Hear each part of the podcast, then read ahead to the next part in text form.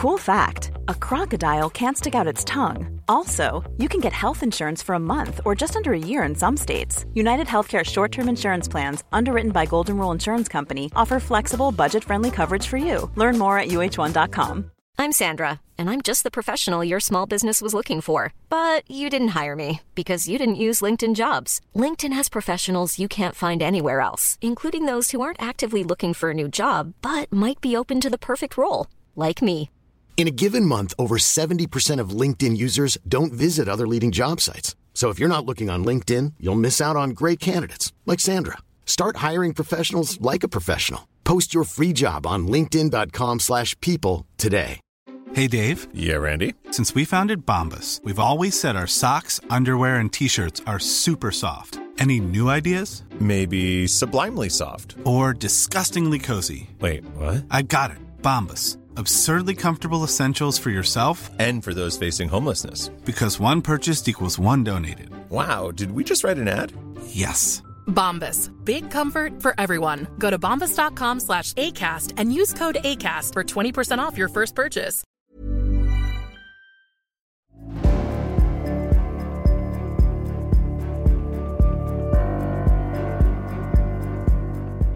Jag vill, inte missa, jag vill inte missa någonting så jag drar igång inspelningen.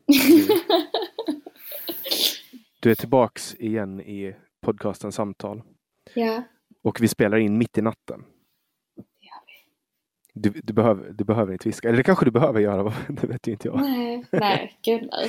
Fan vad mörkt om jag hade haft mitt barn här samtidigt. Jag bara, nej men jag behöver viska. Ja. Jag bara, nej det behöver du inte göra. Skit ditt barn. Eh, nej, men välkommen tillbaks. Ehm, vi får ju hoppas på att du låter mig släppa det här. Du har ju druckit lite alkohol.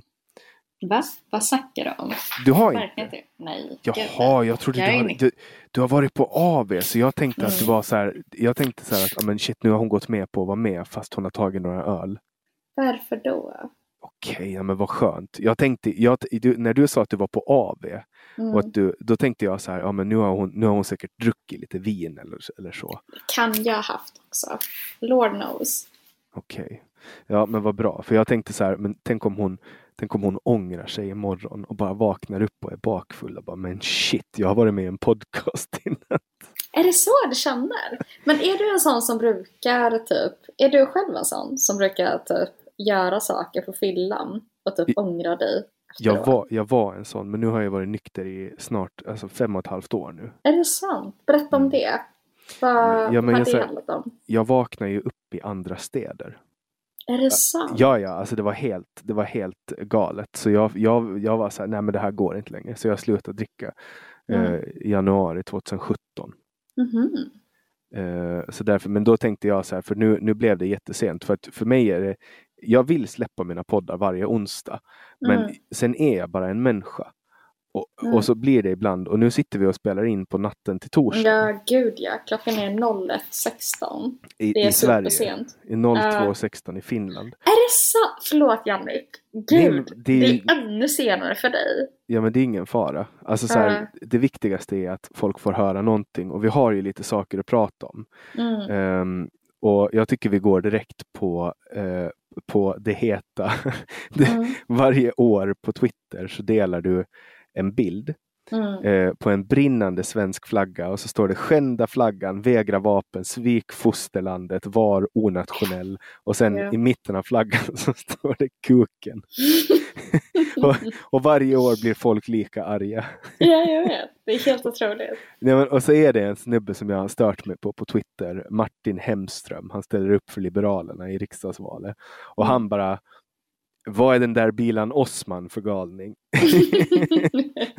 och så bara eh, håller han på och skriver att eh, du beter dig illa som laddar upp den här bilden.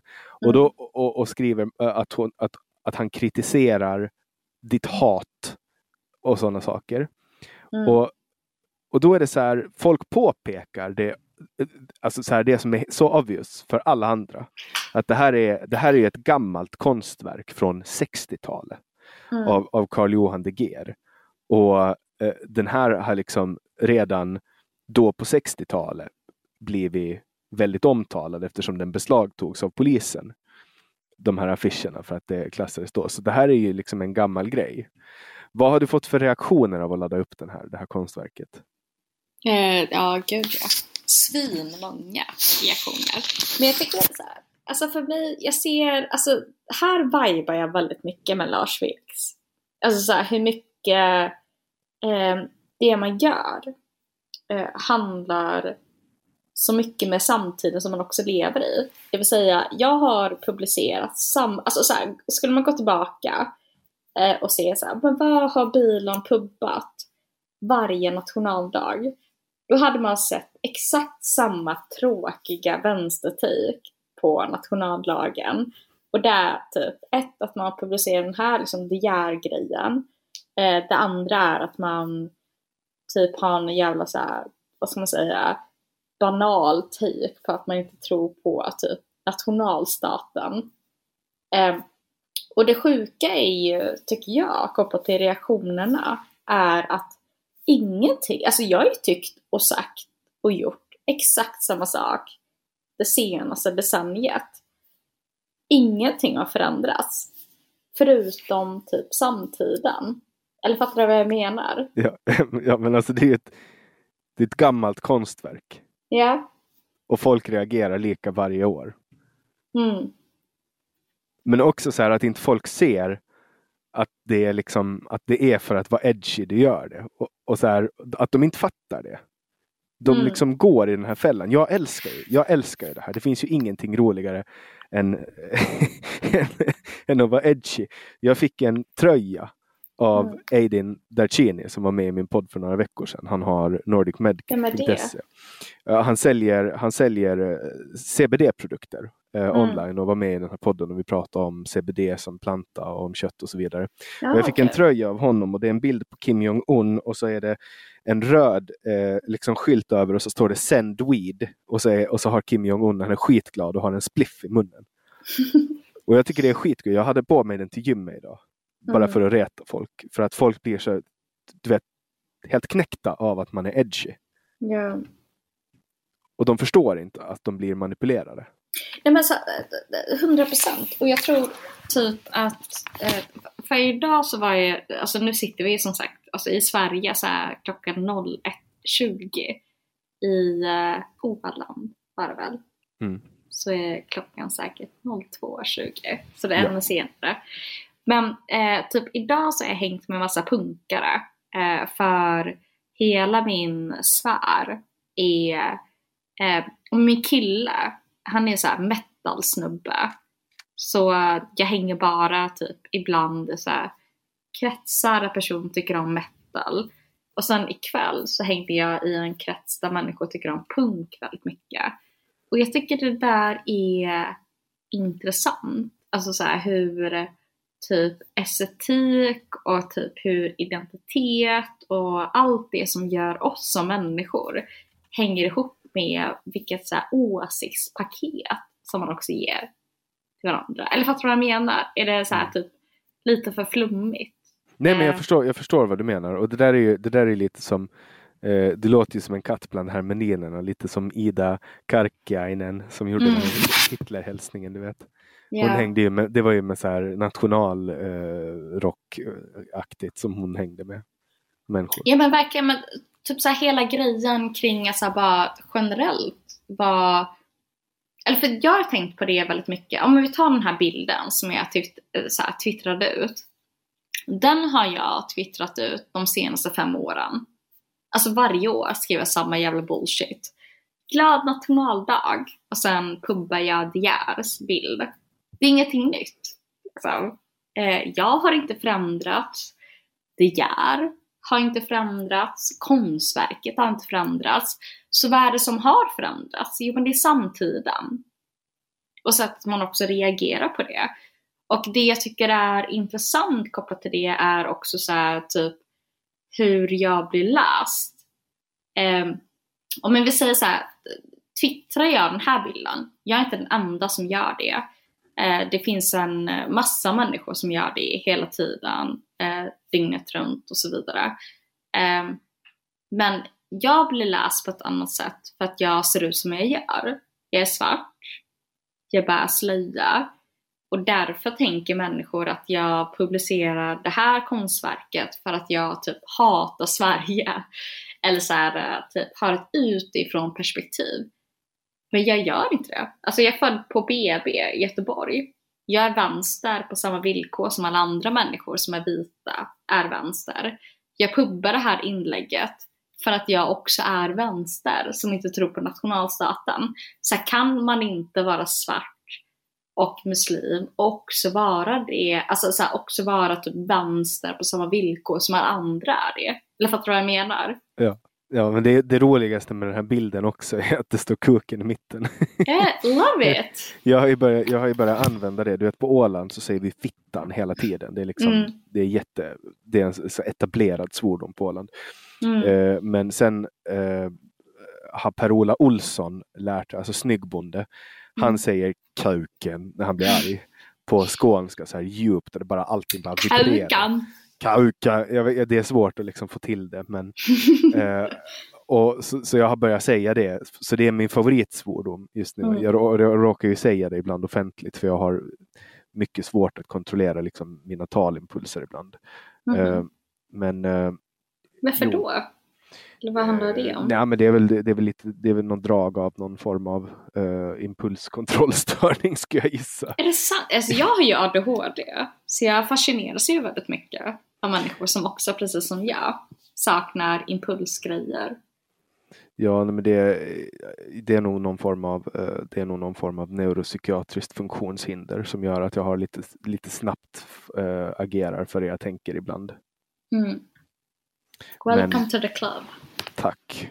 Nej, men och, det, och det är också en, det får man får ju säga att det är en tillgång också. Um, mm. För att det är ju inte bara av ondo. Då 100 procent. Men uh, medicinerar du din eh, ADHD? Nej, nej verkligen inte. Men jag har inte heller, alltså det finns olika typer av ADHD såklart. Men, och det här är faktiskt ingenting som någonsin någon gång har pratat om. Så det här är exclusive. Men eh, jag, eh, min, eh, jag har ADHD. Eh, det är en diagnos. Men det är samtidigt också eh, kopplat till mitt jobb så har det varit en fördel. För att jag, det har gjort så att jag är extremt kategorisk.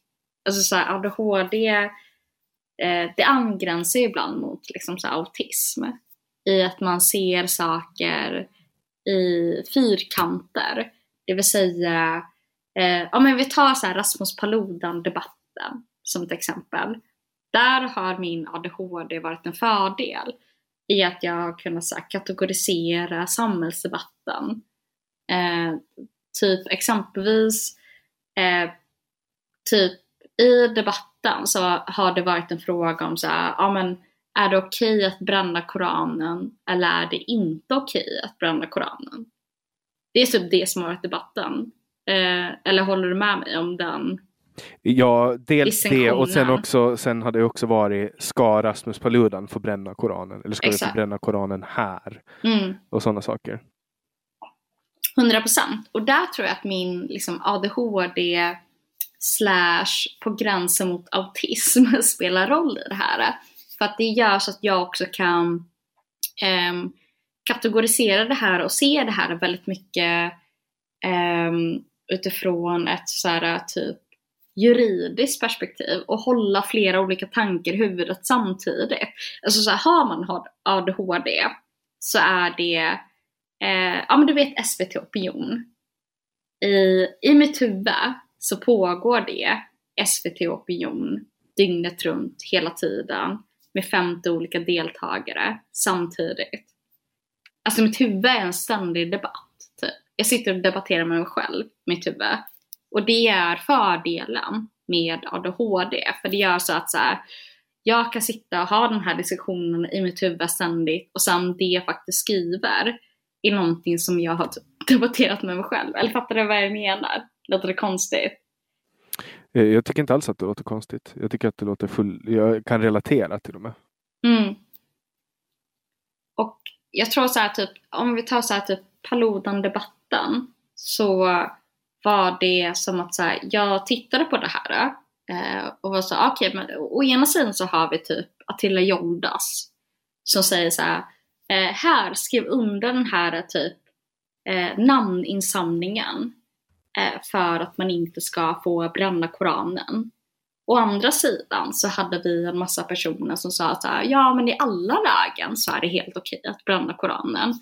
Och där jag tyckte att hela den här offentliga debatten var antiintellektuell. För att vi kommer ju aldrig kunna förbjuda att bränna Koranen. Jag fattar du vad jag menar?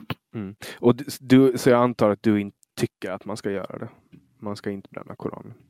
Eller? Tvärtom. Jag tycker att så här, man ska få kunna ja, bränna eller för, Koranen. Förlåt, det, det var det jag menade. Uh, få bränna Koranen.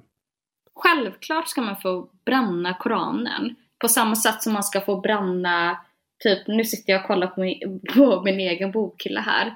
Du ska få bränna typ eh, Svart kvinna. det var den första boken som jag såg.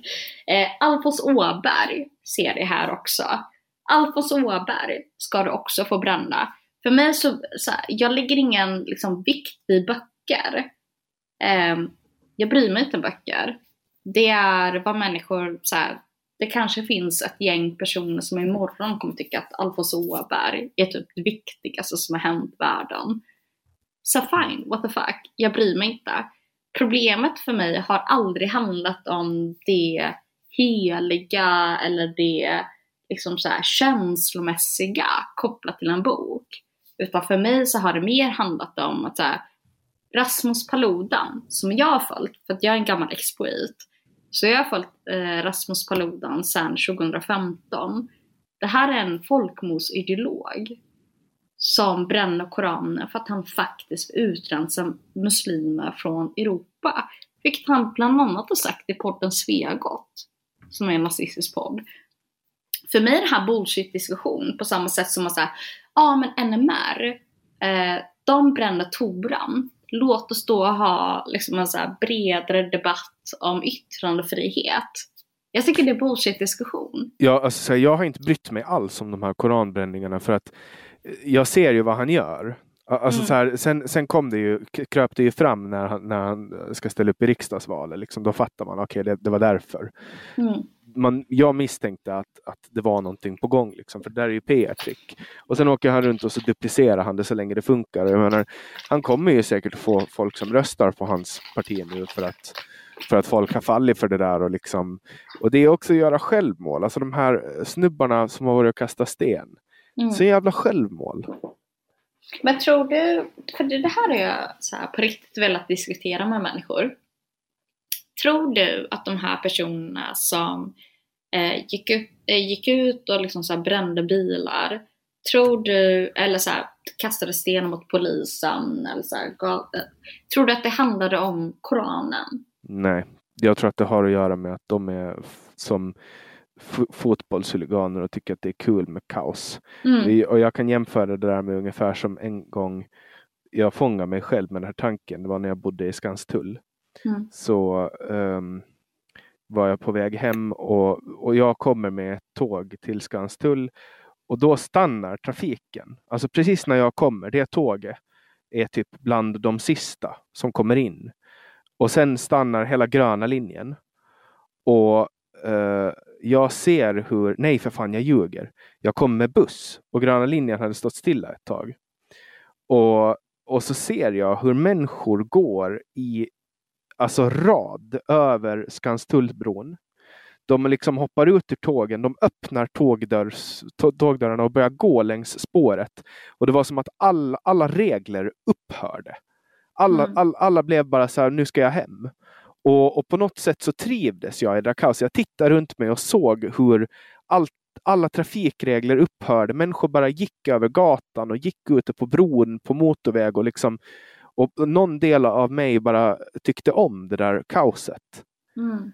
Och, och, jag kan tänka mig att det finns någonting liknande, att stå inne i den där och, och, att det är någon form av sån effekt som har gjort att de här människorna är där och gör det. Sen att, finns det ingenting som rättfärdigar att man förstör räddningsarbete och liksom förstör polisbilar och sånt skit. Det, det finns liksom ingen förmildrande omständighet utan bara förklaringar på ett fenomen. Men jag tror inte att det har att, att göra med hat mot Sverige eller eh, så. Utan... Nej, men jag fattar. Alltså, jag pratade med ja, men Per. Du känner till Per Binkemo? Ja. Jag, jag pratade Han har med varit honom. med i den här podden också. Är det sant? för två år Gull-Per.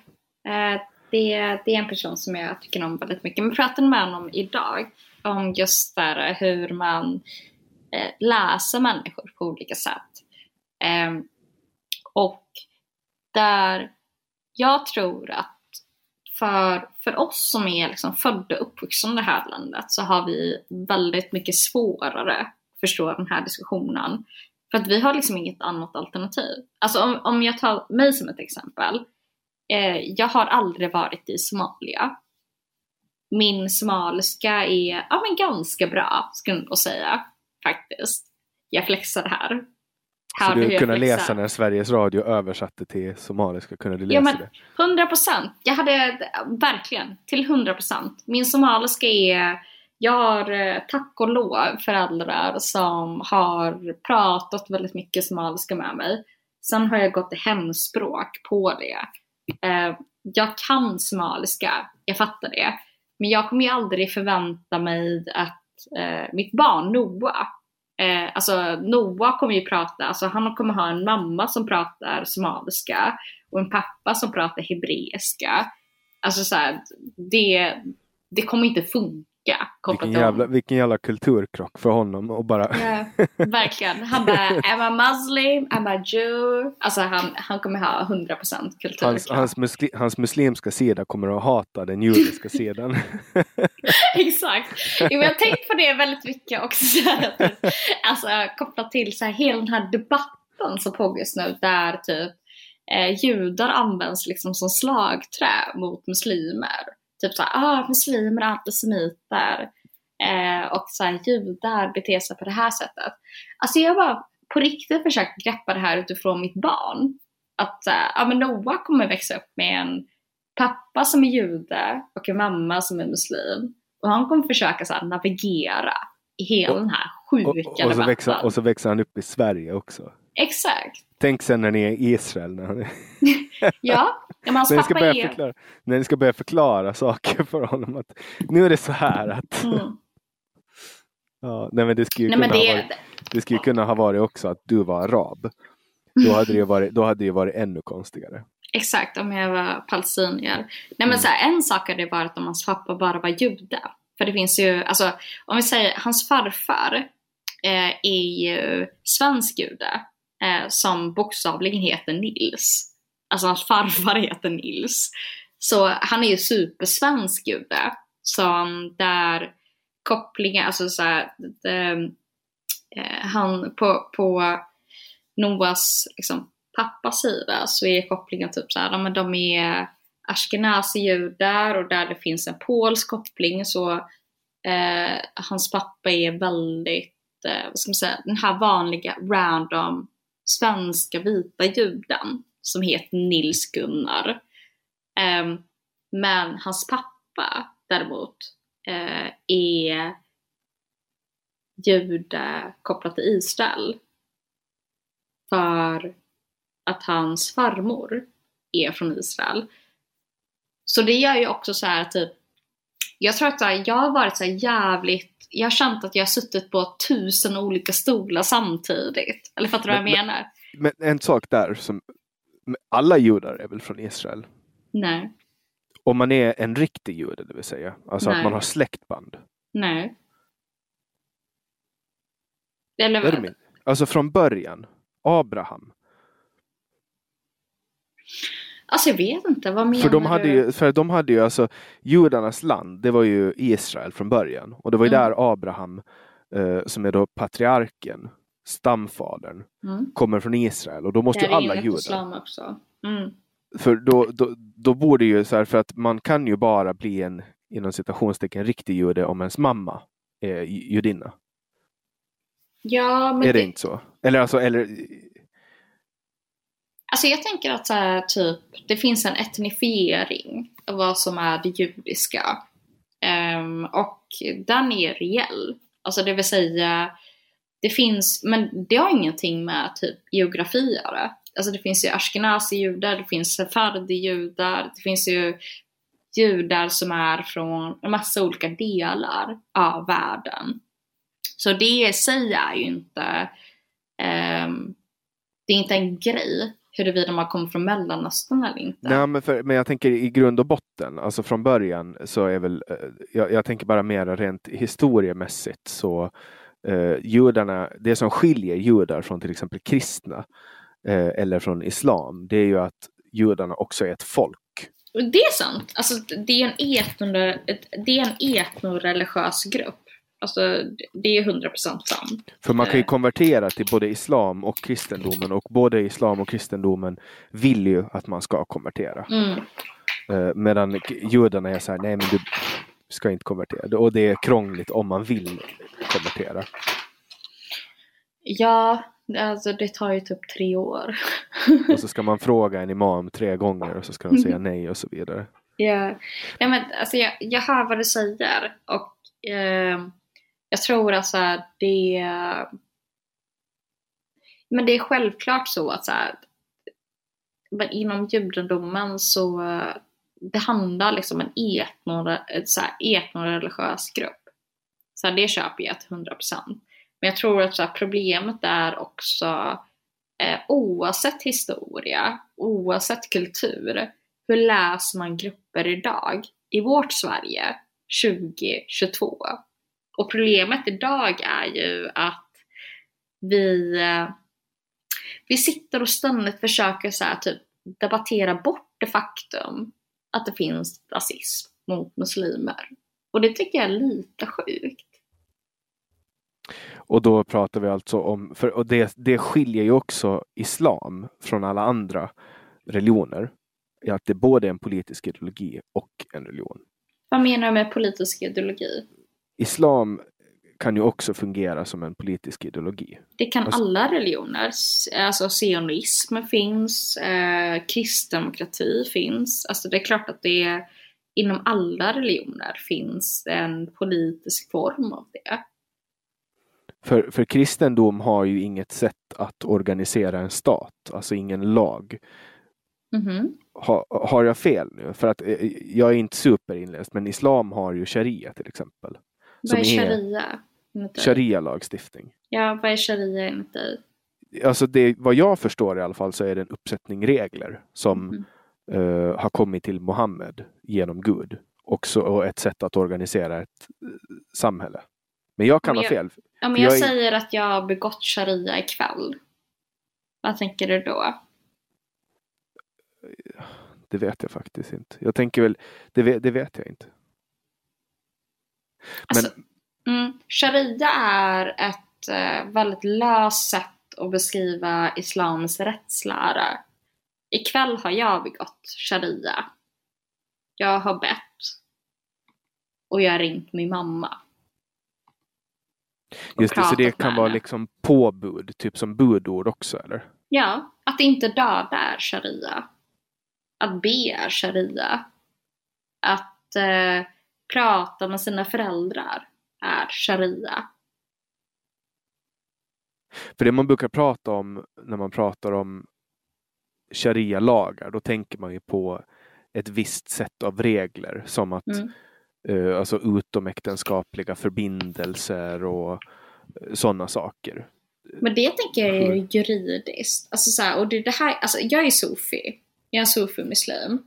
Så eh, vad jag bara utifrån så här, tolkningar anser vara sharia. Alltså sharia är bara, och det är det jag hatar, med att vi, vi överhuvudtaget använder begreppet sharia. För sharia gör det som någonting så här, typ exotiskt och konstigt. Men så här, sharia är bokstavligen islamisk rättslära.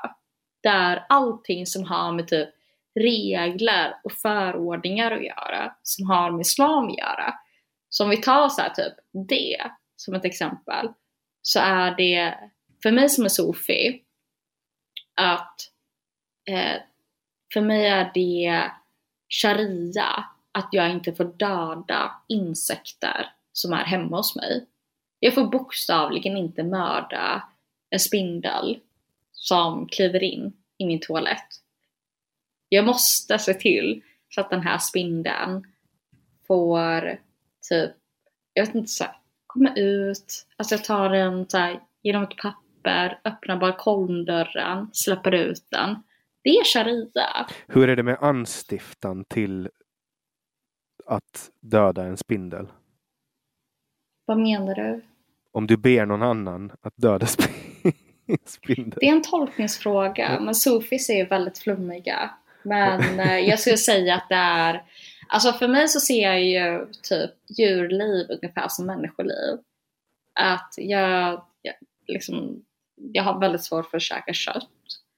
Um, jag har väldigt svårt för att döda myra för att jag rent logiskt har väldigt svårt att se att den här myrans liv har så större värde än mitt eget liv. Eh, och det är en så grundläggande sufi-ideal. Som jag är väldigt så här, vad ska man säga, så marinerad i på olika sätt. Det låter ju som en ganska snäll och trevlig filosofi att leva efter. Typ så, lite som det finns ju vissa branches inom buddhismen där man också tillämpar eh, extremt försiktig liksom, framtoning till naturen. Att man går med en borste framför sig så att inte myror ska mm. fara illa och sånt. Ja, alltså jag vet inte om det är någonting snällt. Alltså så här, som sagt, jag kan ju ibland käka kött. Alltså så här, det handlar inte om att jag bara Ej, jag är 100% vegetarian. Jag tycker allt är trevligt. Men det handlar mer om så här, respekten för djur. Och så här, jag tycker, så här, om vi tar Sverige som ett exempel. I Sverige så ser man djur som typ större djur. Det vill säga en kossa är ett djur.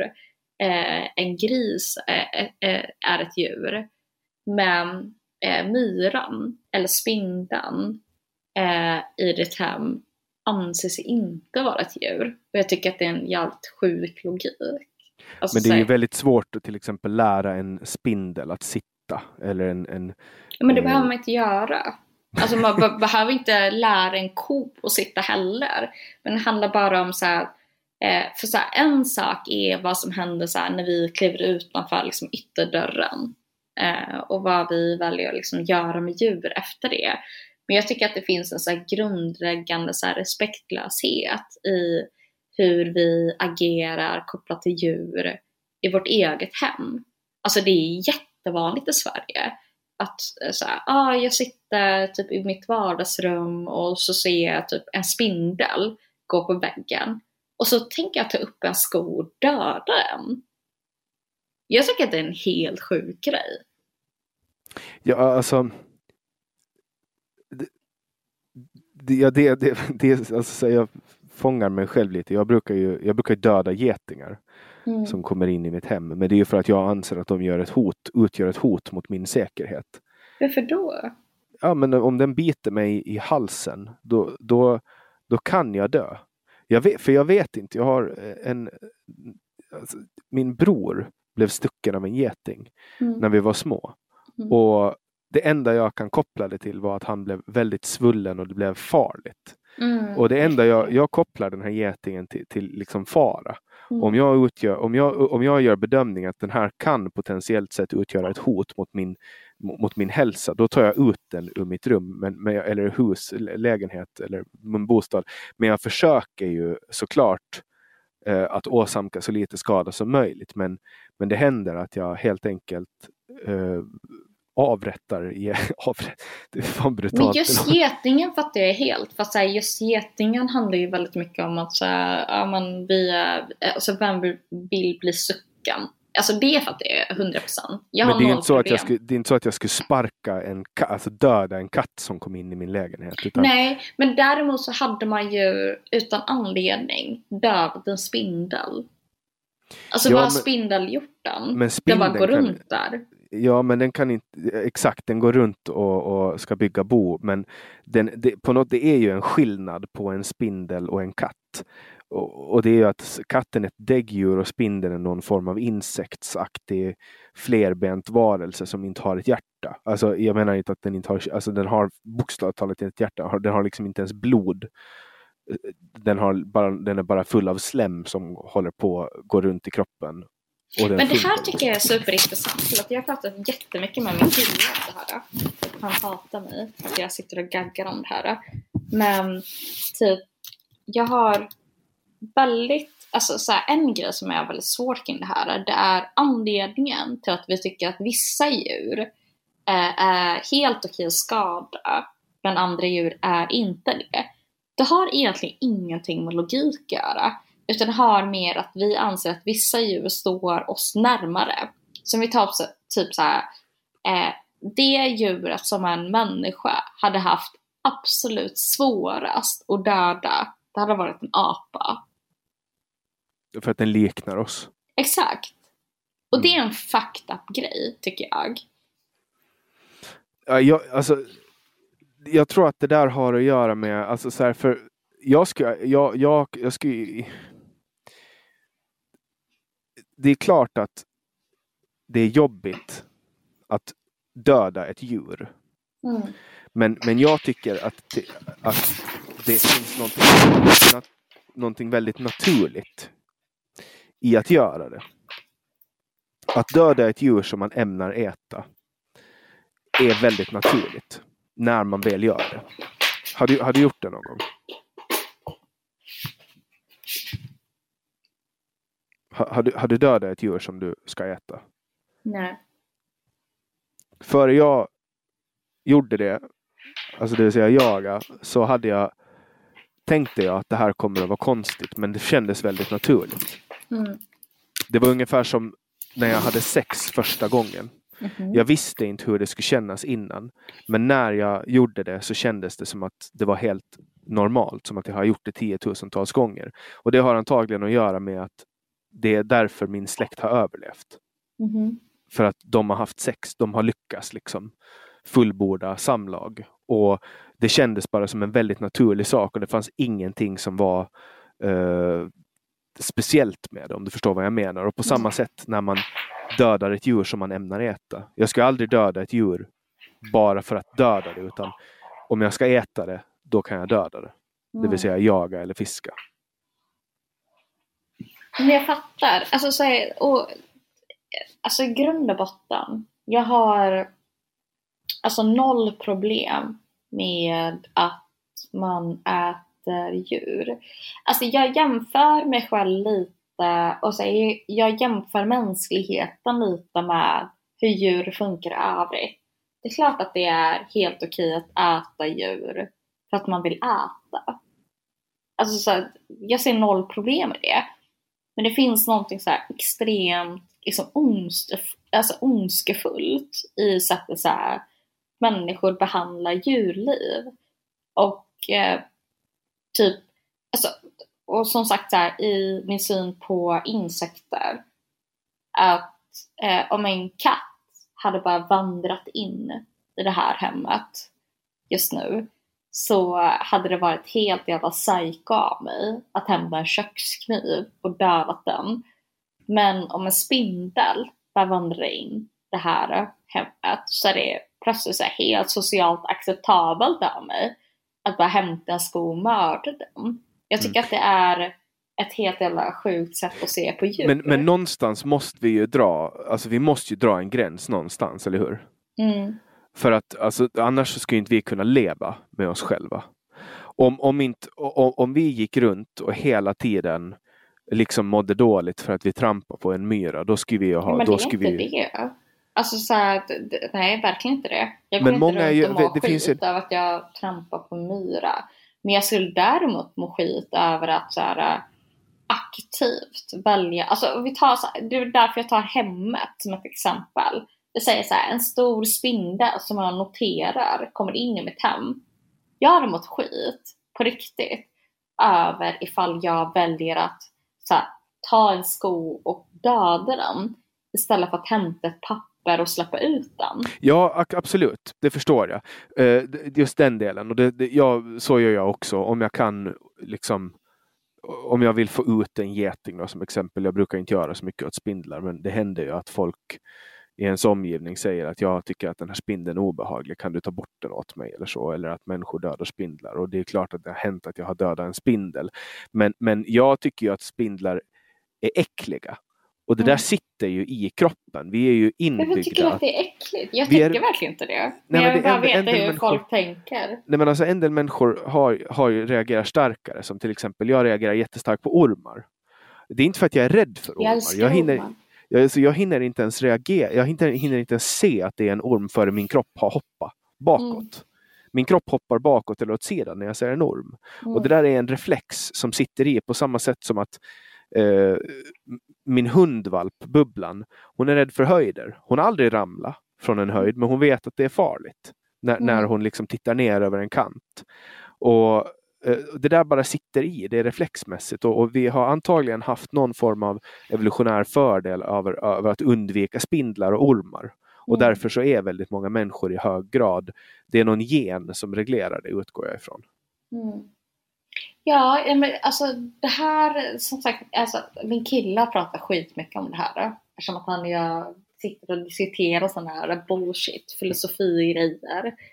Alltså jag tror att min kille är Tänk att han är typ Jordan P Peterson fast liksom så en sämre version.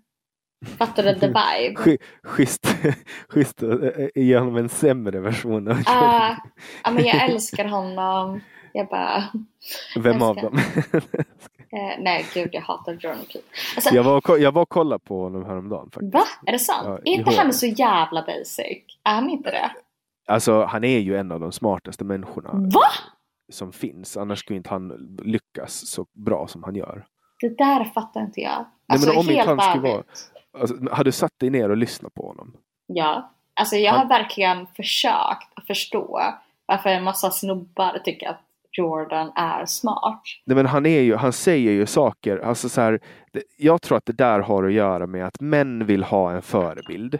Mm. Eh, någon som är, är responsible och han är pilar till den sidan av oss som vi vet att vi borde bejaka och, och får oss att må, alltså oss män att må mindre skit över att vi har misslyckats. För han får oss att förstå att vi kan påverka vårt mm. eget liv.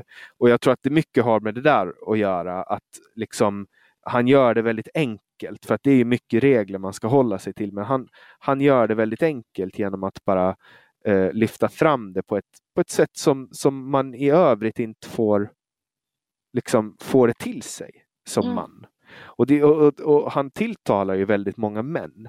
Det var väldigt få kvinnor i förhållande till antal män som var på den här föreläsningen. Det är intressant. Alltså, för det kan jag ändå liksom så respektera. Den delen Jordan som handlar om att eh, att han också så tilltalar personer som jag tänker så här, inte handlar så mycket om så här, män versus kvinnor. Men eh, handlar mer om att eh, ja, men, jag känner att jag inte vet riktigt vad jag ska göra av mitt liv. Och så finns det någon som också så ger lite så guidelines kring ja, alltså det. Alla kan, alla kan liksom relatera till honom, alla mm. män. För han är väldigt down to earth. Han har haft jobb som alla andra har. Uh, liksom struggla på som vanlig arbetarklass och han förstår hur det är att söka identitet och han förstår hur det är också. Så han pratar ju väldigt liksom han, allt, väldigt mycket av det han säger baserar ju sig på att du, du ska göra saker på ett enkelt och ärligt sätt och göra det bästa av situationen och så vidare. Och det där är saker som gör att folk känner att de har kontroll över sitt liv och många mm. förbättras. Mm. Jag ska inte lyssna på honom. Nu, nu har jag liksom, jag lyssnar ju på andra också, typ Sam Harris. Jag tycker också att Sam Harris är typ en av de smartaste människorna i världen. Mm. Um, mm. Och jag är, jag är mera Sam Harris uh, fan än vad jag är Jordan B. Peterson fan. Men båda liksom till. Det är intressant för att det är ändå uh, två helt olika människor som har kategori, alltså för typ Sam Harris började jag följa typ 2012 och för, för mig så var han så här, the, vad ska man säga, the new 80s vågen. Medan så här, eh, Jordan Peterson för mig känns mer som personer som kommer med, ja men typ så här, eh, tänk vad heter han, eh, Zizek, heter han så? Mm. Ehm, tänk typ det, fast eh, typ basic bitch-åsikter. Alltså det som är som jag tror, alltså min fascination, jag kan ju bara tala för mig själv, men min fascination för Jordan B. Peterson och Sam Harris, det är att de är så fruktansvärt högintellektuella. Mhm. Det är fascinerande att höra hur en människa kan sitta och fundera och bara prata ut de här fascinerande sakerna han säger. Men vad tänker Alltså- du är intellektuellt? För att jag är genuint intresserad av det. Alltså, han är bildad, Mm. intelligent, språklig. Alltså han kan förklara saker på ett sätt som är väldigt tydligt och han kan liksom referera. Alltså det, det intellektu- man blir liksom intellektuellt stimulerad av att lyssna på honom. Mm. Men, men att se det live, den här konstanta strömmen av tankar, det var ju liksom tappar man hans trail. Han pratar också en väldigt akademisk engelska som är svår att hänga med. Och, och så kanske man fastnar på ett ord som man inte vet och liksom blir att fundera på det och då tappar man hela den där tanken. Det är mycket lättare att kolla på Youtube där man kan pausa Mm. och så. Men, men, men det intellektuella är att kunna släppa ut den här oändliga, alltså den oändliga strömmen av intressanta saker att säga och funderingar, funderingar och saker han liksom tänker på. Det blir bara intressant Mm. på något sätt. Ja, alltså jag Men- tror att... Mm. Varför hatar ni i vänstern honom så mycket? Jag förstår inte. I den vänstern ser du. Vilka vi? Nej, men jag klumpar ihop alla som är till vänster om mig Mm. och kallar dem för vänstern. Ja, jag fattar. Jag tror inte att jag knuppar upp högen på samma sätt. Jag tror att jag har en mer, eh, vad ska man säga, intellektuell kategorisering. Det finns ju eh, för mig eh, den gamla högen, typ Per Svensson-högen, slash, eh, vad ska man säga, eh, Bengt Westerberg-högen, som är superliberaler, som jag håller med om. Eh, och sen så finns det eh, typ högen som vill vara lite edgy men typ inte vågar. Som typ DN-högen. Men DN är ju vänster ju. Nej, det är Jo. liberaler. Nej, DN är supervänster ur mitt På vilket sätt är de vänster? Nej, men de är ju så här all about cancel culture och så vidare. Och så vidare. Är det vänster? Ja, det är vänster. Cancel culture är vänster. Sen har högern har liksom Vad inte är lyckats hålla... cancer culture? Enligt Det är-? Det är att cancellera bort folk som har oönskade åsikter. Okej, vilka vill ge ett exempel på en person som inte får vara med längre på grund av en åsikt? Ja, alltså, jag, kan ju, jag kan ju bara ge det närmast stående exemplet och det är ju Mm. Paolo Roberto. För han var Mm. med här för, för två avsnitt sedan. Han blev Så Paolo allt. Roberto är helt cancellad. Han får inte göra någonting längre. Han har inget jobb, han är typ hemlös, han är cancellad. han blir av med, han blir av med väldigt, väldigt mycket. Eh, alla sina jobb som han hade då och så vidare. Sen har ju han liksom ställt sig upp på nytt. Men Han har varit med, som ett exempel, så har han varit med i de två större poddarna i Sverige. Är det Cancel? alltså, han blev, han blev cancellerad från sina jobb, han- TV4 och så vidare. Och han hade bokkontrakt. Så det på, och han Är det liksom cancel att inte få vara med i medier? Nej, men när, när ens jobb, när man blir av med jobb. Jag har ju blivit cancellad eh, på Åland för att jag skämtade om droger. Eh, och, och då Vad blev jag av med min försörjning. Skämtet det? var så här, jag, jag producerar en podd åt eh, två tjejer här på Åland som jag känner. Och, eller nej, Mm. jag, jag producerar inte utan jag, jag, jag hyrde ut utrustning åt dem. Och, och sen var jag och hämtade den här utrustningen efteråt och så stod vi och snackade lite. Och eftersom jag då vid den tidpunkten, det här var ju två, tre år sedan, hade varit nykter i kanske två eh, eller tre år beroende på hur länge sedan det var. Så, så då märkte jag att avsnittet innan hade fått jättemycket lyssningar som de hade. Och det var för att rubriksättningen liksom antydde att de avslöjar vem som knarkar på Åland. Och då skämtar jag om att jag borde äh, bli, att man borde införa veckans knarkare i deras avsnitt och avslöja en knarkare varje vecka. Och, och så var mitt skämt att jag borde vara veckans knarkare. Och mm. skämtet där förstod de som var där eftersom det var ett internskämt. Men då var det en person som inte förstod det. Och sen tog han det där eftersom jag blev invald då kanske två veckor senare så blev jag invald i vårt lagstiftande parlament, alltså vår motsvarighet till riksdagen. Och då gjorde han en grej av det och gjorde en Youtube-video och fick massa visningar. Men då tog alla det där på allvar och var så här, Åh, och jag bara, men det är inte sant. Alltså det han säger är ju inte sant. Man bara, ah, men det är hemskt ändå. Det får oss att se hemska ut. Vi kan inte ha med det att göra. Och så tog alla avstånd från mig. Och då var det så här, ja men jag får flytta till Sverige då. Du vet, jag hade ju ingen ville jobba med mig. Och jag jobbar ju med folks varumärken. Jag jobbar med reklam. Folk var så här, ja men vi kan inte associeras med dig nu. Ditt varumärke är inte bra. Och då blev jag cancellerad och det är ingen rolig grej alltså att bli av med försörjning och sånt för att man har liksom skämtat på något sätt som folk anser att det är olämpligt. Ja, men jag, alltså det är lite det jag tror både som så här, ska man säga en antirasist och också samtidigt en vänsterperson. Liksom, att jag har liksom aldrig fattat diskussionen om cancer culture. Att det ena handlar ju om arbetsmiljö att jag har varit fackklubbsordförande på Expo i över fyra år.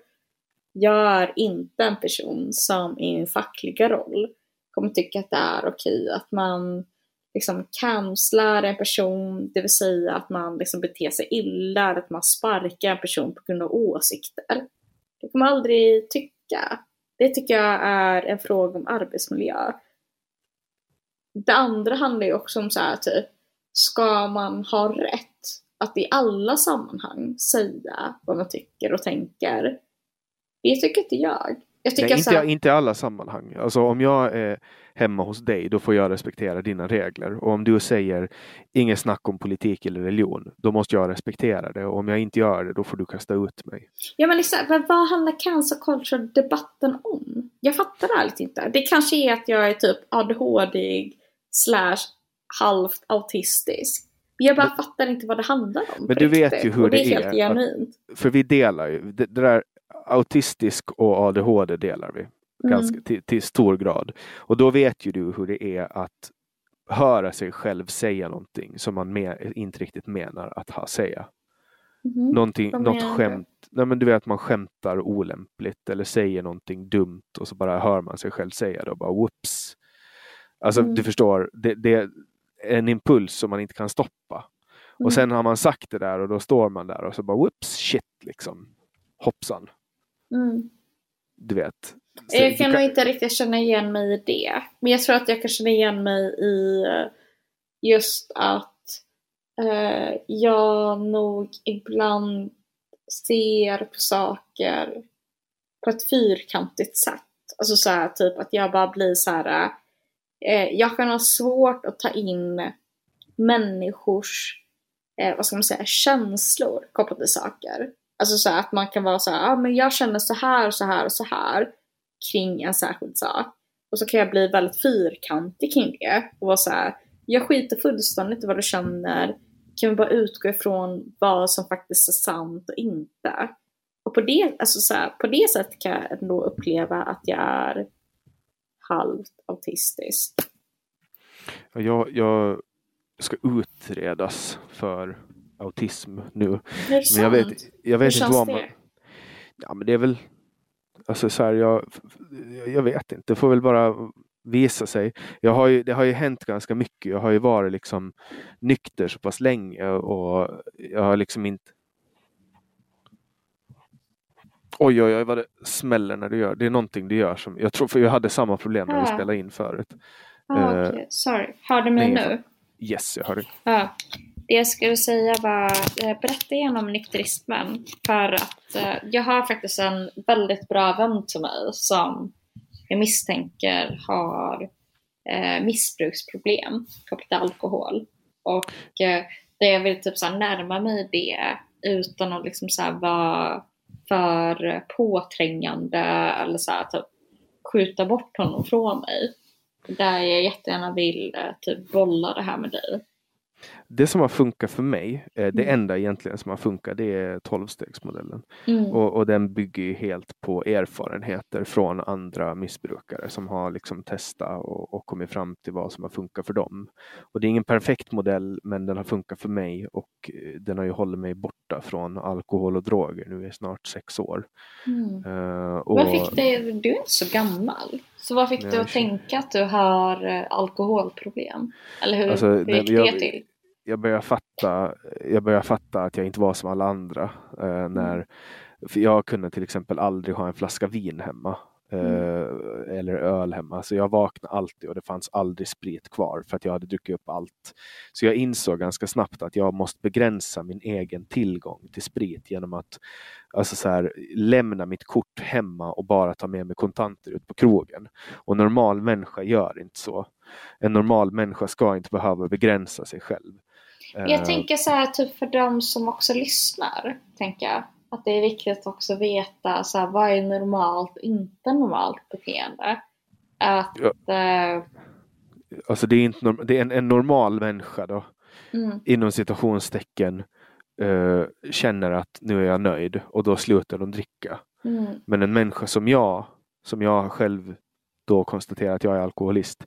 Jag står med ett glas i handen och tänker på nästa glas. mm, Eller jag lovar mig själv att nu ska jag bara dricka en öl och sen hittar jag på en ny liten regel som ja men två öl funkar och sen står jag där och är en pruttfull en torsdag mm. och, och typ har bilen på parkeringen och bara måste gå hem och du vet sådana saker. Mm. Dumheter liksom. Eh, och inser gång på gång att jag inte har någon kontrollförlust. Men sen också att jag kunde dricka så att jag fick en minneslucka. Det är inte normalt. Eh, eller att jag hamnar i bråk eller slagsmål. Det är inte heller normalt. Liksom. Mm. Eh, så att det, det fanns många onormala saker med mitt, med mitt drickande. Men jag gick på tolvstegsmöten, det vill säga Mm. anonyma alkoholister. Vad fick du, för hur gammal är du idag? 28. 28? Så jag var Gud, du är typ så liten. För att ha varit nykterist i sex år. Men sen har det är obruten nykterhet. Sen har jag också eh, flera år innan eh, som jag har kanske ett år, och så 11 månader och så vidare. Mm. Så jag har väl totalt, men, men det är obruten nykterhet man, man pratar om. Så om någon sitter och lyssnar på det här idag eh, och det är så här no judge kring det för att jag själv växte upp i utan att vara för privat i väldigt alkiga slash missbrukarsammanhang eh, och har än idag vänner som, som jag menar på är lite i det. Vad hade du gett för råd till dem? Gå in på a.se, sök upp Mm. ett möte nära dig och Mm. gå och titta om det är någonting för dig. Mm. För det är, inget, det är inte för alla, men jag tror att de som vill får ut mycket av det. Mm. Fan fint. det och det har, det, det har räddat mig måste jag säga. Så här, om, det inte, om det inte skulle vara för det så skulle det inte ha eh, funkat alls. Eh, och sen har jag, sen har jag liksom perioder där jag eh, Alltså där jag gör det mindre, där jag går mindre på möten. Men när jag går mycket på möten så mår jag bra. Mm. Går du fortfarande på möten? Ja, Mm. men jag har liksom perioder där jag, där jag går mindre och då mår jag sämre. Och sen börjar jag inse att men shit, vad håller jag på med? Jag vet ju att jag ska gå på möten. Liksom. Mm. Men eh, man, ma- man har upp och nedgångar. Det viktiga är bara att man inte plockar upp och börjar dricka igen. Det är det Ja. viktigaste. Det är superviktigt. Känner du att du har liksom ett bra crowd kring det? För det är ändå så här, typ jag har ju um, en bra vän som är uh, ja, nykterist idag. Men det svåra för henne har ju varit att hitta liksom ett sammanhang där folk inte dricker. Typ jag kommer ju från ett, eh, alltså från ett tvärtom sammanhang där mitt naturliga sammanhang är folk som inte dricker. Mm. Och sen så är liksom det onaturliga sammanhanget inom citationstecken, folk som dricker. Ehm, att jag tänker att det inte är så för alla. Eller fattar du vad jag menar? Nej men det blir, och, och det där, man blir ju också, alltså så här, jag fattar ju inte att mitt drickande var onormalt. Jag trodde att det var samma för alla. Mm. Uh, fram till, och jag, jag kunde verkligen inte förstå hur, hur en del människor bara, ja ah, men nu är jag klar. Jag är nöjd nu. Mm. Så här, jag har druckit två glas vin, jag vill inte ha mera. Mm. Jag förstod inte, jag tror att alla drack på samma sätt som jag, det vill säga att man drack för att bli helt, helt förstörd i huvudet. Mm. Jag hade ju någon, någon önskan om att bara du vet, försvinna helt och hållet uh, in i liksom in i alkohol, bort bara, bort. Mm. Och tappa kontrollen och det, det blev på något sätt mitt, ja men det blev det jag sökte i Mm. drickandet.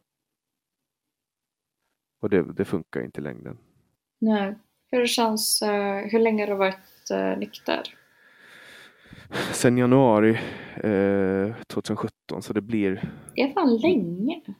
ja, fe- fem och ett halvt år blir det Mm. väl då.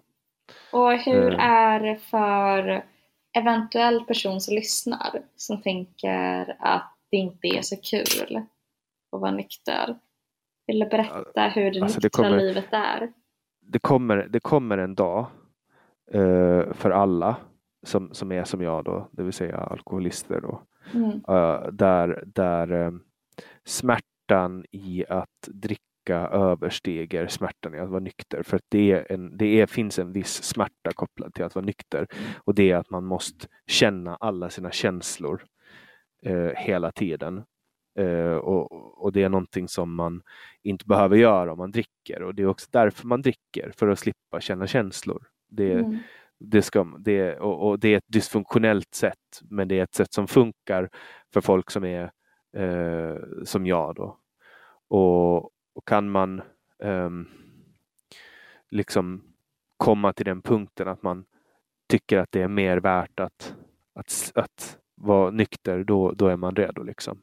Mm. Men, men det, det har att göra med att man måste komma till den punkten att smärtan i att vara nykter understiger smärtan i att fortsätta dricka. Mm. Och man måste ha en vilja och det låter kanske lite klyschigt men du kan aldrig tvinga en människa till nykterhet, det går inte. Det är så... Nej, alltså det låter inte alls klyschigt. Det är, det är så jävla viktigt det du säger. Jag tänker att det är nog så många människor som har funderat på det här och tänkt var går gränsen och allt det som jag tror kommer vara så jävla värdefullt höra dig beskriva det. Och jag, jag brukar ju prata om det, jag har inga problem alls att prata om det och det har att göra med att jag tänker att men, kanske någon människa där ute behöver höra det och så får de höra det. Så jag har ju pratat om det Mm. ganska många år nu. Eh, och det är ingenting jag försöker liksom dölja heller. Nej, bra. Och, det, och, och även om jag skulle försöka dölja det så är det för sent nu. det är för att alla vet redan om det liksom. Ja men too late. Det är lite som så här, det är lite för sent att jag har ett extremt slattigt liv. Och Sl- slattigt liv. I'm a slut. Så äh, även det är för sent. Så jag tänker att sånt är livet. Typ. Man får försöka, nej, utan att skämta bort det. Jag tycker verkligen det du beskriver är superviktigt. Och alltså jag har verkligen både vuxit upp med människor eh, som lever i missbruk och eh, än idag har alltså mina bästa vänner som lever i missbruk. Och jag tycker att det är så himla viktigt att någon också pratar om det. Och jag tycker att du sa en konkret sak eh, kopplat till alkohol. Vilket är så här, ja men är du en person som dricker och sen känner så här, jag känner mig nöjd. Eller är du en person som dricker och känner, jag fortsätter med till glas och till glas och så fortsätter det här i all oändlighet. Då har du troligtvis ett problem. Och det är viktigt att prata med någon om det. Ja. Precis, och det, det är ju det som är för män i allmänhet är det lite svårare eh, att, att eh, prata om de sakerna. Mm. Eh, men förhoppningsvis så ska ju det lättas upp Mm. med åren. Eh, men om, om vi pratar om tystnadskultur då, det är lite annat, men, men tystnadskultur, skulle du eh, påstå att det är någonting som finns i Sverige? Mm, både ja och nej. Men det beror lite på vad frågan är. Um, men är, är, att det här med att man, um, jag ska se vad definitionen på tystnadskultur är. Ja, men jag tänker att man är tyst kring någonting. Men tänker du kring så här, typ att man inte vågar prata om typ allt som har med invandrare eller islam att göra? Det är det du tänker? Här är eh, ett, eh, Wikipedia definierar tystnadskultur så här. Tystnadskultur avser ett gruppbeteende där en grupp tillägnat sig normer, föreställningar, vanor och antaganden som medför att personer i gruppen drar sig för att uttala sig om ett givet ämne.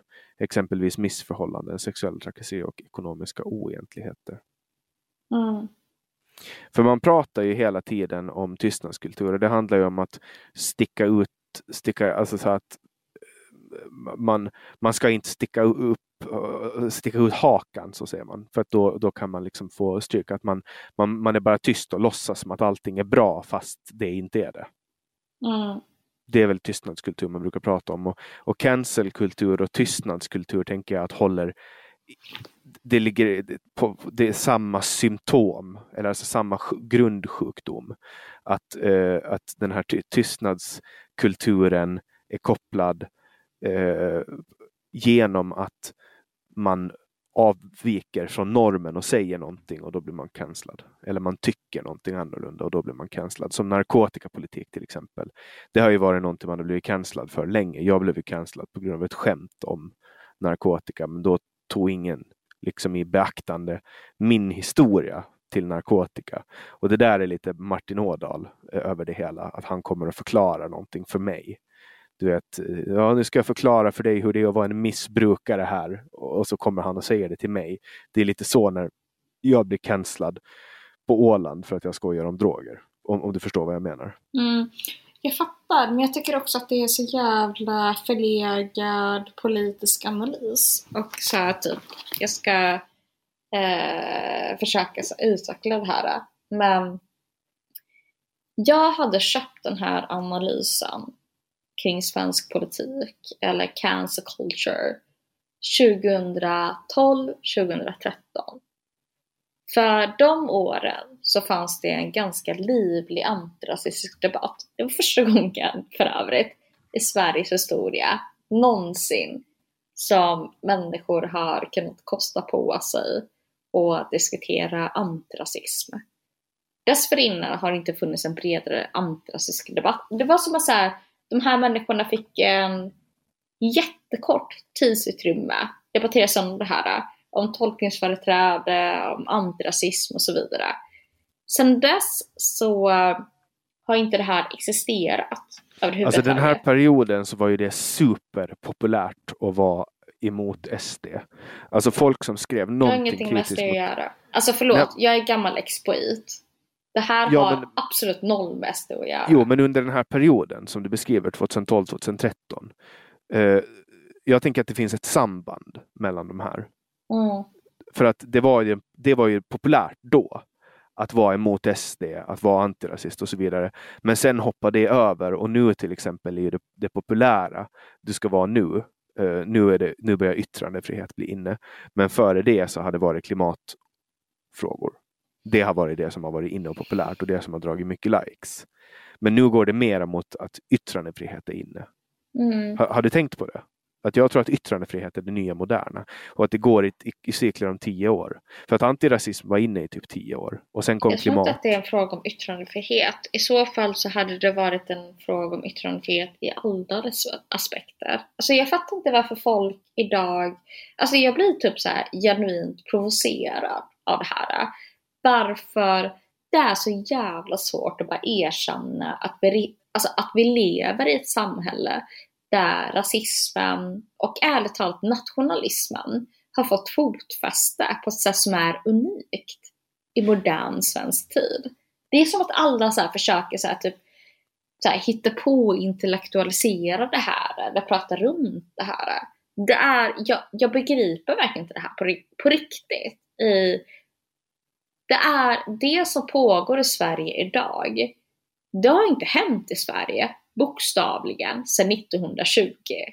Jag fattar inte varför folk inte fattar det. Alltså institutionaliserad rasism. Är det det du tänker på? Allt ifrån eh, institutionaliserad rasism. Jag har på riktigt källor på myndighetskorruption kopplat till rasism. Det här är vad jag ägnat hela min journalistiska karriär kring. Jag har bevis på så här, typ allt det som har med, eh, vad ska man säga, så här, typ opinionsundersökningar att göra. Eller den här, den här, den här rättsorganisationen har skrivit det här. Eller så här, diskrimineringsombudsmannen eh, skriver det här. Så allting pekar mot exakt samma sak. Men det är som att så här, typ Sverige är, det är som att typ folk inte vill överhuvudtaget börja begripa att rasism existerar. Eller jag fattar liksom inte vad det är som gör att människor bara inte begriper det här. Folk, jag tror att folk inte orkar för att det inte är inne. Alltså det var som till exempel nu. Hur mycket reflekterar man om kriget i Ukraina till exempel? Det är inte jag gör det. Längre. Jo, men inte, inte, inte på samma sätt som i slutet på februari. Mm. För att det har liksom, nu har man accepterat verkligheten, att det pågår ett krig. Men kriget kring Ukraina hade jag förstått mer. Jag är född och uppvuxen i här landet. Det här handlar inte om något som händer utanför Sveriges gränser. Det här handlar om synen på svenskar. Vi som finns i det här landet. Vilka villkor vi har. Jag begriper inte i hur många generationer som man kommer försöka se att så här, folk som ser ut som mig eller som lever som mig inte är en del av Sverige. Eller Jannik, jag vet inte. Jag tycker att det är en helt sjuk föreställning. Och kanske så här, typ, om vi tar ett så här, typ mina föräldrar som en grej. De skiter i det. De är såhär, men jag är ju från Somalia. Jag kommer alltid vara somalier. Det här är inte mitt land. Men jag är fucking född i det här landet. Jag föddes på, sjuk jag föddes på Östra sjukhuset i Göteborg. Jag har ingenting att fly till. Nej, identitet är en jävligt konstig grej. Och jag har märkt det med åldern att jag, och jävlar, håller du på river hela huset människa? Sorry. nej, men jag, jag, nej, det är ingen fara. Men jag har märkt på äldre år att jag har börjat få en stark önskan om att veta mera om min släkt före mig. Mm. Och det här är som någonting som har aktiverats. Det är bara som att helt plötsligt så har det börjat, du vet som när Harry Potters R börjar helt plötsligt från ingenstans uh, göra ont. Mm. Ja, men du, uh, är du, uh, du får lära mig. finsk, finne och finlandssvensk. Vad är skillnaden? Alltså finne, det är en person som är en finsk person som pratar finska. Mm. Medan finländare är alla i Finland, inklusive de som pratar svenska. Och finlandssvensk, det är de som pratar svenska i Finland. Okay. Och sen finns ålänningar också. Men du, är, du är en finne. Ålänning. Så, du är en ålänning. Ja. Men du är i grunden inte svensk. Alltså, min, min mamma och pappa är båda födda på Åland. Mm. Men min farfar är eh, född i Sverige och uppvuxen i Sverige. Och hans mamma kommer från Åland. Men hans pappa kommer från Sverige, från mm. Norrköping. Så Svensson-släkten kommer från Norrköping. Uh, Norrköping? Det är mina hoods. Jag är från Linköping. Ja, men det, det, är inte så långt ifrån. Hade inte det varit helt sjukt om du och jag av någon konstig anledning, nu vet jag ju för sig att det inte är så, men att du och jag hade varit släkt. Ja, men... Det hade varit helt sjukt, eller hur? men vi, vi, kan ju kolla, vi kan ju kolla upp våra släktträd. Det ska, alltså så här, ja. så, de, sådana saker jag har varit med om, sådana absurda möten som jag mm. har varit med om och konstigheter. Eh, det, då finns ingenting som förvånar mig om du och jag ska vara släkt dessutom. Men jag, har ju, eh, alltså jag har ju väldigt mycket sjukt i min släkt. Jag har ju väldigt mycket, jag är ju en ganska stor portion italienare. Eftersom att jag har Eh, på grund av kolonialismen och så vidare så finns det väldigt mycket italienskt. Men, men du har alltså en av dina föräldrar, alltså svenskar? Nej, gud nej. Alltså eh, båda mina föräldrar är födda i, i Somalia. Då är det ju Eh. väldigt osannolikt att vi skulle ha fysiska släktband. Fast eh, deras släkt i sin tur, alltså släktträdet, har ju kopplingar till Italien. Som skulle kunna ha kopplingar till Finland. Why not? Jag vill, Ja. jag, jag 100% öppnar upp för att du och jag är släkt. Men, men jag kan med 100% säkerhet säga att vi är släkt. Ja. Därför att alla människor är ju släkt med varandra. Eller hur? Alltså om man går tillräckligt långt bak så är vi ju släkt på något sätt. Mm. Eh, Alltså, så att vi, vi är ju inte släkt. Eh, Men jag vill ändå någonstans tro det. För att Men det är ju- därför du och jag ju vibar så mycket. Ja. Men tänk om man skulle viba med alla sina släktingar. Då ska hur? man, ju, det, man bråkar ju med många av sina släktingar också. Ja. Men du, klockan är typ fan halv tre här. Men Mm, Det är eh, halv fyra här. är det sant? Vi måste fan eh, göra någon slags avslut. Jag tänker, vad, vi hade sagt att vi skulle prata om koranbränningen. Väl? Ja, men- istället så hade vi världens ADHD-hoppare. Emil, så- Nilse, Emil Nilsén skulle vara stolt över mig. Jag är ledsen, jag har ADHD. Nej, men Det jag, är- det, ja, det är helt okej, Eh. tro mig. Det, det, det är också mer regel än undantag att det, att det hoppar runt så här. Min pappa sa det till mig idag. Han sa så här att ja, Jannik, jag lyssnar på din podd och det, det, det är så otroliga saker som kan komma fram. Du kan hoppa till vilket ämne som helst. Jag menar, nu har du och jag på riktigt suttit och pratat. Nu, nu, nu gjorde du någonting med mikrofonen igen. Steker, steker du ägg? Nej, jag hämtade vatten. Förlåt. Sorry, förlåt. Vad sa du? Din pappa sa... Ja, ja nej, men pappa var så här, ja, men du hoppar Jannik åt alla håll liksom, när du spelar in. För man vet aldrig vad som kommer för, för frågor och det är väl lite så. Eh, Faktiskt. men, men det är väl också det är, väl, har- det är väl en styrka det också kan jag tänka mig. Ja. ja, men jag, alltså, folk som känner mig är ju eh, väldigt förvånade över att eh, jag tas på allvar i den offentliga debatten. På gott och ont, tänker jag. Alltså så det för här, att du är så oseriös när ni träffas? Nej, jag är 100% oseriös. Alltså så här, hade du frågat någon, ja, typ, fråga min kille, fråga mina vänner, de är såhär what the fuck. Hon, Jag är också jätteoseriös när jag Ja. umgås med mina vänner. Ja, verkligen. Jag tror att det är det. Men det är väl alltid det som är så svårt. Kan jag tycka. Men jag tror att det som får... Alltså jag blir lite hatad från varje håll. Vilket jag tycker att så folk inte riktigt förstår. Alltså jag, jag blir su- Alltså om vi tar så här, om vi går tillbaka till den här koranbränningsfrågan. Jag blev på riktigt hatad från varje håll. Eh, Från, från de som eldar Koranen också? Nej, från de som kastar stenar på han som eldar Koranen. Ja, ja, jag vet inte riktigt vilka så här de är, men precis, alltså från det perspektivet också. I att det finns ju, och de är väldigt få skulle jag säga. Det är inte många människor. Men det finns ju väldigt få människor som i Sverige tycker att det är eh, ett problem i sig att bränna Koranen. De finns ju. Eh, på samma sätt som det finns ett gäng galningar som också tycker att det är helt sjukt att bränna den svenska flaggan. Det kommer alltid finnas psychos i ett samhälle. Jag däremot så här, typ tycker att det är, det är ett problem att eh, förstå allt som har hänt kopplat till eh, liksom, att bränna Koranen eller inte. Alltså jag tycker min mamma gav på riktigt den bästa kommentaren kring det här. Att eh, hon sa ja, men de här som eh, ballade ur kopplat till eh, parodan och kranbränning.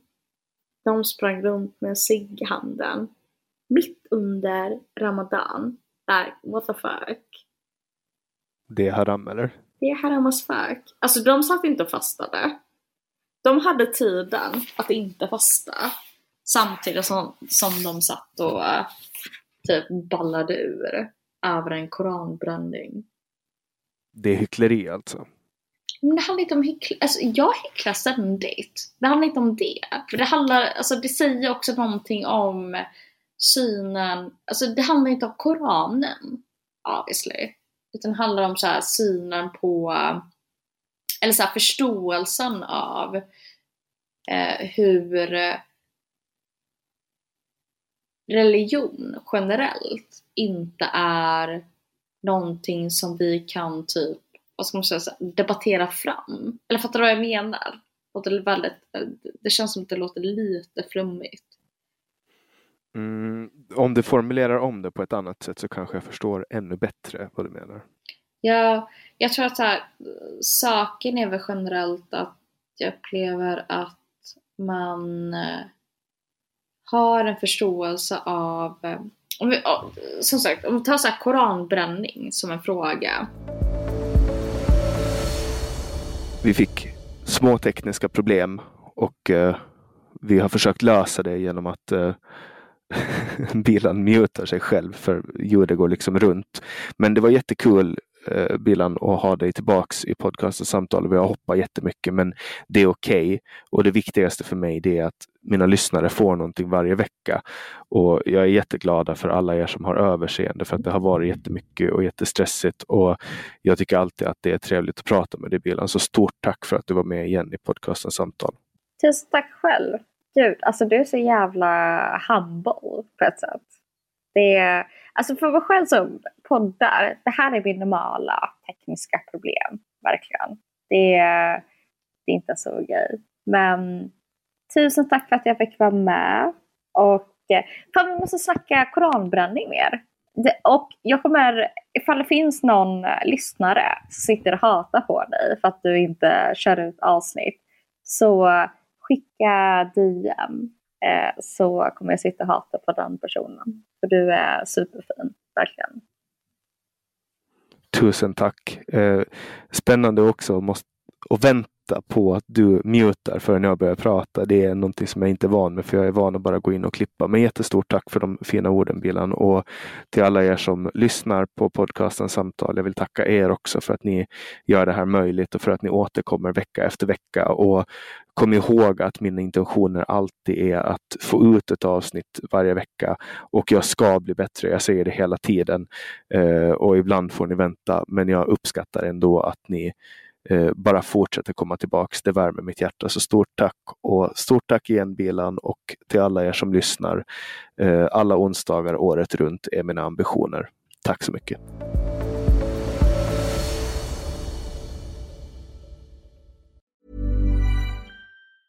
Planning for your next trip? Elevate your travel style with Quince. Quince has all the jet setting essentials you'll want for your next getaway, like European linen premium luggage options, buttery soft Italian leather bags, and so much more. And is all priced at 50 to 80% less than similar brands. Plus, Quince only works with factories that use safe and ethical manufacturing practices. Pack your bags with high-quality essentials you'll be wearing for vacations to come with Quince. Go to quince.com/pack for free shipping and 365-day returns. Planning for your next trip? Elevate your travel style with Quince. Quince has all the jet setting essentials you'll want for your next getaway, like European linen, premium luggage options, buttery soft Italian leather bags, and so much more. And is all priced at 50 to 80% less than similar brands. Plus, Quince only works with factories that use safe and ethical manufacturing practices. Pack your bags with high-quality essentials you'll be wearing for vacations to come with Quince. Go to quince.com/pack for free shipping and 365-day returns.